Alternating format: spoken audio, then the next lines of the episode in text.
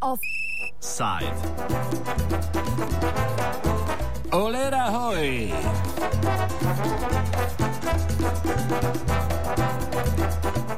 Zaupanje javnosti v Evropsko unijo je v šestih največjih članicah padlo na najnižjo raven doslej. Euroskepticizem se povečuje tako na bogatem severu kot na gospodarsko prizadetem jugu. Največji porast euroskeptičnosti so analitiki zabeležili v Španiji, kjer v skupno uh, Evropo verjame le še 20 odstotkov vprašanih.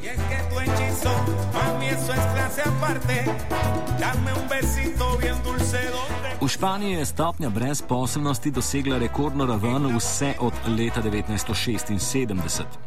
Brezposelni predstavljajo že preko 27 odstotkov vsega delovno sposobnega prebivalstva, drugače povedano, brez zaposlitve je že več kot 6 milijonov španskih državljanov. Kljub temu, da vsi strani španske vlade implementirani vrčevalni ukrepi špansko ekonomijo še bolj hromijo, ter da brezposobnost še vedno narašča, bo španski predsednik vlade Mariano Rajoy jutri predstavil nov svežen fiskalnih in vrčevalnih ukrepov po diktatu svete pajdaške trojke, ki jo sestavljajo Mednarodni denarni sklad, Evropska centralna banka in Evropska komisija. Dame un besito, mami, Vsled omenjenih dogodkov se v Madridu danes odvijajo protesti ljudstva, ki še enkrat več želijo pokazati nestrinjanje z vrčevalnimi ukrepi in sum v blagostanje na stari celini, ki ga venomer obljublja tako imenovana trojka. Govorili smo z Aitorjem, aktivistom španskega gibanja 15. maj, ki je dejaven že vse od zametkov gibanja in je tudi danes eden od organizatorjev večje manifestacije v španski prestolnici. Drugi sogovornik je Jose Ignacio Torreblanco, vodja španske podružnice Evropskega sveta za zunanje odnose.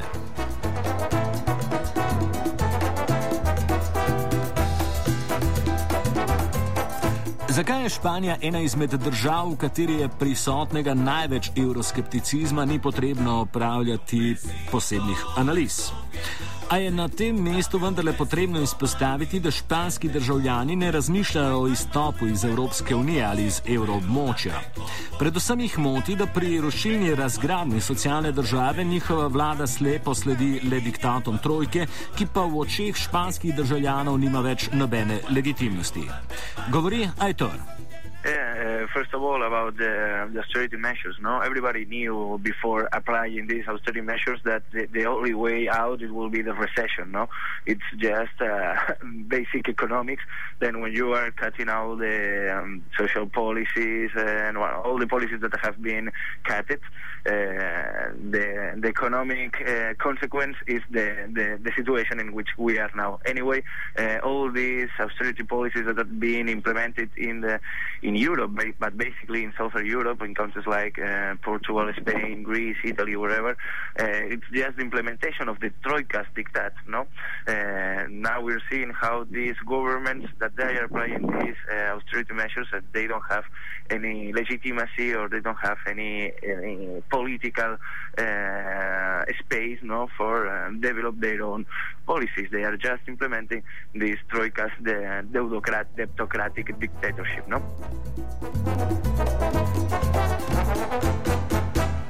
Jose Ignacio Torreblanca se trenutno nahaja v Madridu. Na začetku nam opiše dogajanje v španski prestolnici. Within the process of uh, economic crisis, uh, this has been going on, as you know, for long. Um, despite probably dominant feeling is that despite the structural reforms and the measures which have been taken, there is no sign of um, imminent growth or job creation. Um, so there is also a debate on whether austerity policies are working or not, and whether the government um, and, and, the EU should relax these goals in the understanding that uh, the the medicine is killing the patient at, at this point, and that it is quite difficult to to um, to meet those targets while uh, unemployment is soaring. Um, so, so this is the big debate in, in Spain. The other, the, the good news of it is that uh, fortunately the spreads and the costs of financing for the Spanish economy and the, are, are lower, but uh, much lower than they've been in the past. So the, the financial aspect of the crisis is more or less contained at, at this point. Now it's, however, is the political and the social part of the crisis which is more visible. So we see now a stabilization of the financial markets through the promises that the euro will be saved by the ECB and by um, by the decision to move towards uh, banking union. But uh, the problem is now that the social and political cost of this is very high and is beginning to to leave uh, people quite exhausted and at the same time hungry. So, if I understand correctly, the financial grounds for the future are set well. In, in what it has to do with um, uh, markets and the confidence of markets in the Spanish debt, uh, things are going well um, because risk premium is now at 300 points, whereas in the past has been almost double. So international markets trust uh, that now that Spain will not leave the euro and that it will recover. Uh, the problem is that um, the unemployment situation it's very dark, it's very bad, and the growth perspectives are also very, very negative. Temelji za uspešnejše finančno poslovanje so po mnenju Toreblanke postavljeni. Ostaja vprašanje, če se ne bi le to zmoglo konsolidirati brez vseh sprejetih vrčevalnih ukrepov. Kot smo že rekli, se bodo ti še povečali. Sporno je tudi dejstvo, da se je ob vseh ukrepih močno posegalo v tako imenovano družbeno pogodbo. Manj pravic, nižji socialni transferi in podobno. Ko bo neizbežen gospodarski napredek prispel, kako bo z že vzetimi pravicami? Well, part of the problem of the austerity measures is that they were uh, uh, and, and meaning very severe cuts across the board in a number of budgetary items, which had uh, some of them very little to do with uh, the productivity, and in fact, they were cutting things like research and education, which are investments for the future, not expenditures. Uh, also, things which are key for people in terms of social cohesion, which are health uh, insurances and, and, the need to to ask um, uh, seek people to contribute to the treatment with cash and, and, and more money, even to pay in some cases for the ambulances and, and, and things like that. So part of the of the of the cost of adjustment was borne onto health and education, which are were very sensitive items for people. Um, so, so this has created a very bad image of the of the austerity measures because people don't see that these cuts are fair and at the same time are not very intelligent. While at the same time, for example, mm, the financial sector is being backed up with public resources.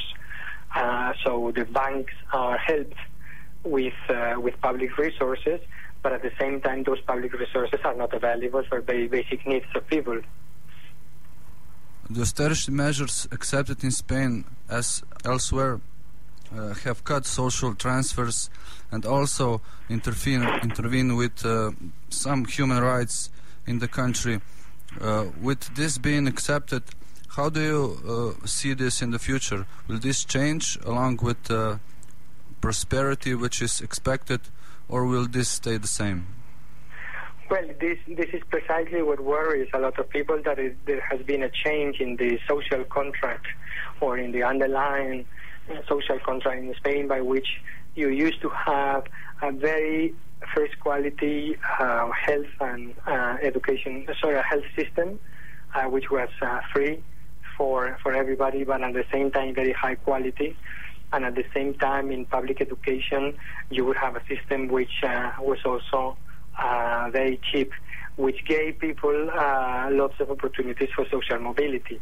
Now, to the extent that you are introducing prices which reflect more the costs of these, uh, then you are uh, affecting uh, social mobility and making uh, life a bit more difficult for people to rise from their class and their status and achieve different things. So yes, there, the idea of a very generous welfare state uh, in Spain is now under question, um, and we don't still know how how down it is going to go into terms of uh, provision and which services will be provided or not. How do you see Spain in the future, and along with this, Spain in uh, European Union, Union, seeing there's so much Euroscepticism and uh, all the problems that we have? Uh, well, it's a sort of a different Euroscepticism as that we usually see, for example, in the UK or in other countries. Uh, Spaniards have not turned against the EU in the sense that they don't want to leave the EU, they don't even want to leave the euro, but they will have to have um, a voice and a better balance and probably a different Europe rather than just uh, the one that they are seeing at the moment. So this is not turning people anti Europe, this is turning them against the way this crisis is being dealt with, uh, both at the national and, and, and the European level.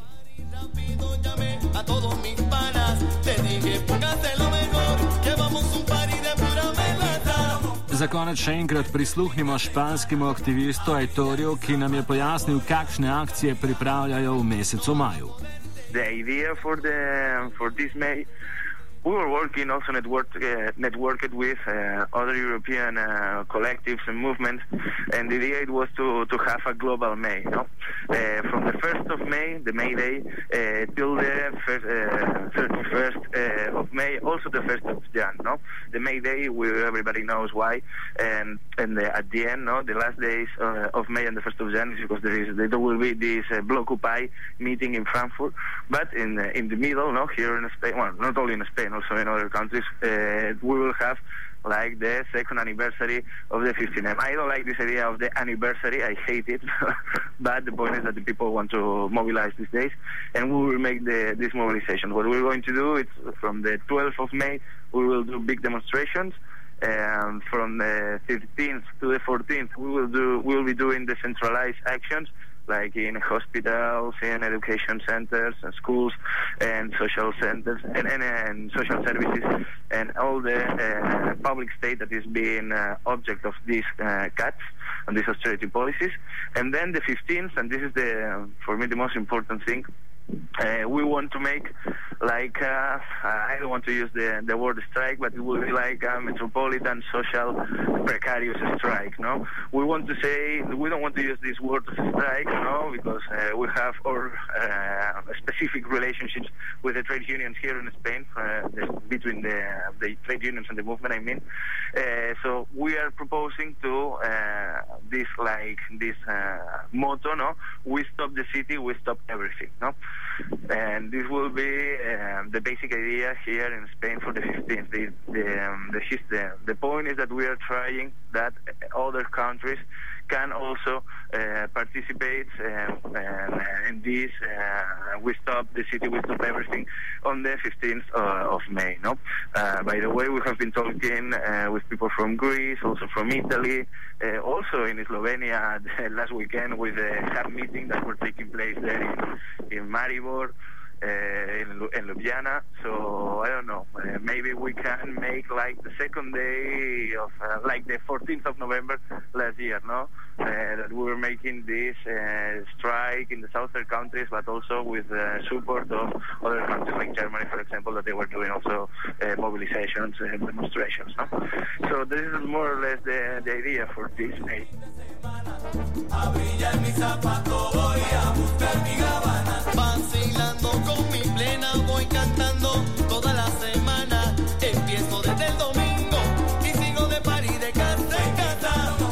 Offside sta pripravila Luka Počivalšek in Marko Kraševec. Brothers and sisters, I had a dream. A dream about a radio from the people, for the people, and by the people. 89.3 FM stereo, radio student.